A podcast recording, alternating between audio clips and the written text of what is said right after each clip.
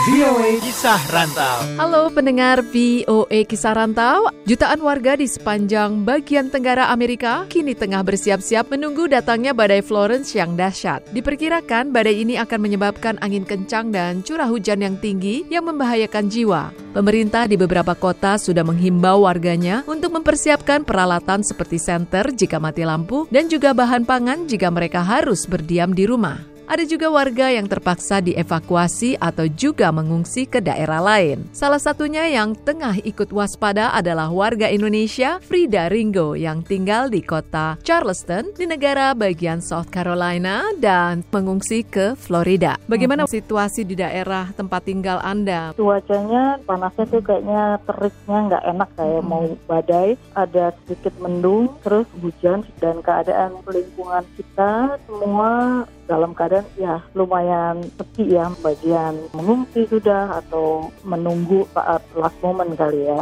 Anda mendapatkan informasi akan datangnya badai ini dari mana? Kita stay tune terus di televisi, kadang-kadang radio ya. Dan hari Senin kita dapat email resmi dari government bahwa ada badai yang akan hit area kita. Terusnya mereka kasih tahu persiapan langkah apa dan mereka lead kita gitu ke mana kita harus evakuasi ya, dan kita harus pantau juga keberadaan kita di zone berapa. Nah jadi itu dikasih tahu kalau zone sekian kita lead evakuasi ke mana. Dan itu semua ada di website pas hari Senin jam 3 tuh kita dikasih tahu uh, lewat news ya bahwa uh, local government kita South Carolina akan menutup jalan hari Selasa di highway-nya. Kita memutuskan tutup kantor. Himbauan mereka ya stay alert deh. Kemarin itu yang resmi uh, emergency. Pusatnya sih kayaknya di Myrtle Beach ya kira-kira satu setengah jam dari rumah kita. Itu lebih besar kan ya. Makanya kita harus mengungsi gitu atau ke shelter. Dan mereka sudah umumkan juga ya untuk evakuasi. Ada websitenya setiap orang melihat kamu berada di zona berapa,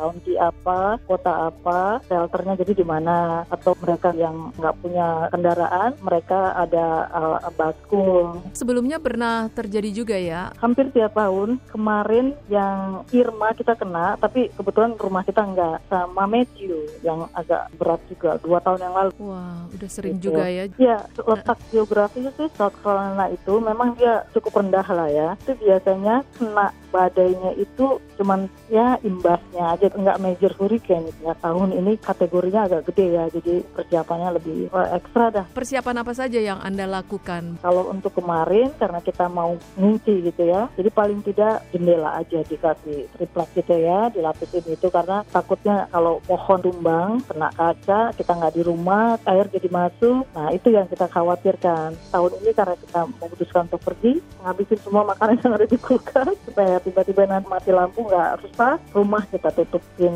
supaya aman. Cek keliling rumah supaya jangan ada sesuatu yang bisa terbang gitu, kayak tempat sampah atau apa itu kita taruh yang aman lah. Rencananya Anda akan berapa hari nih? Kira-kira sampai minggu. Lihat perkembangan. Harus kembali bekerja ya? Oh iya, ya udah hampir seminggu kita tinggalin. Terima kasih, stay safe. Thank you. Dari Washington DC, Dewi Subianti melaporkan untuk VOA Kisah Rantau.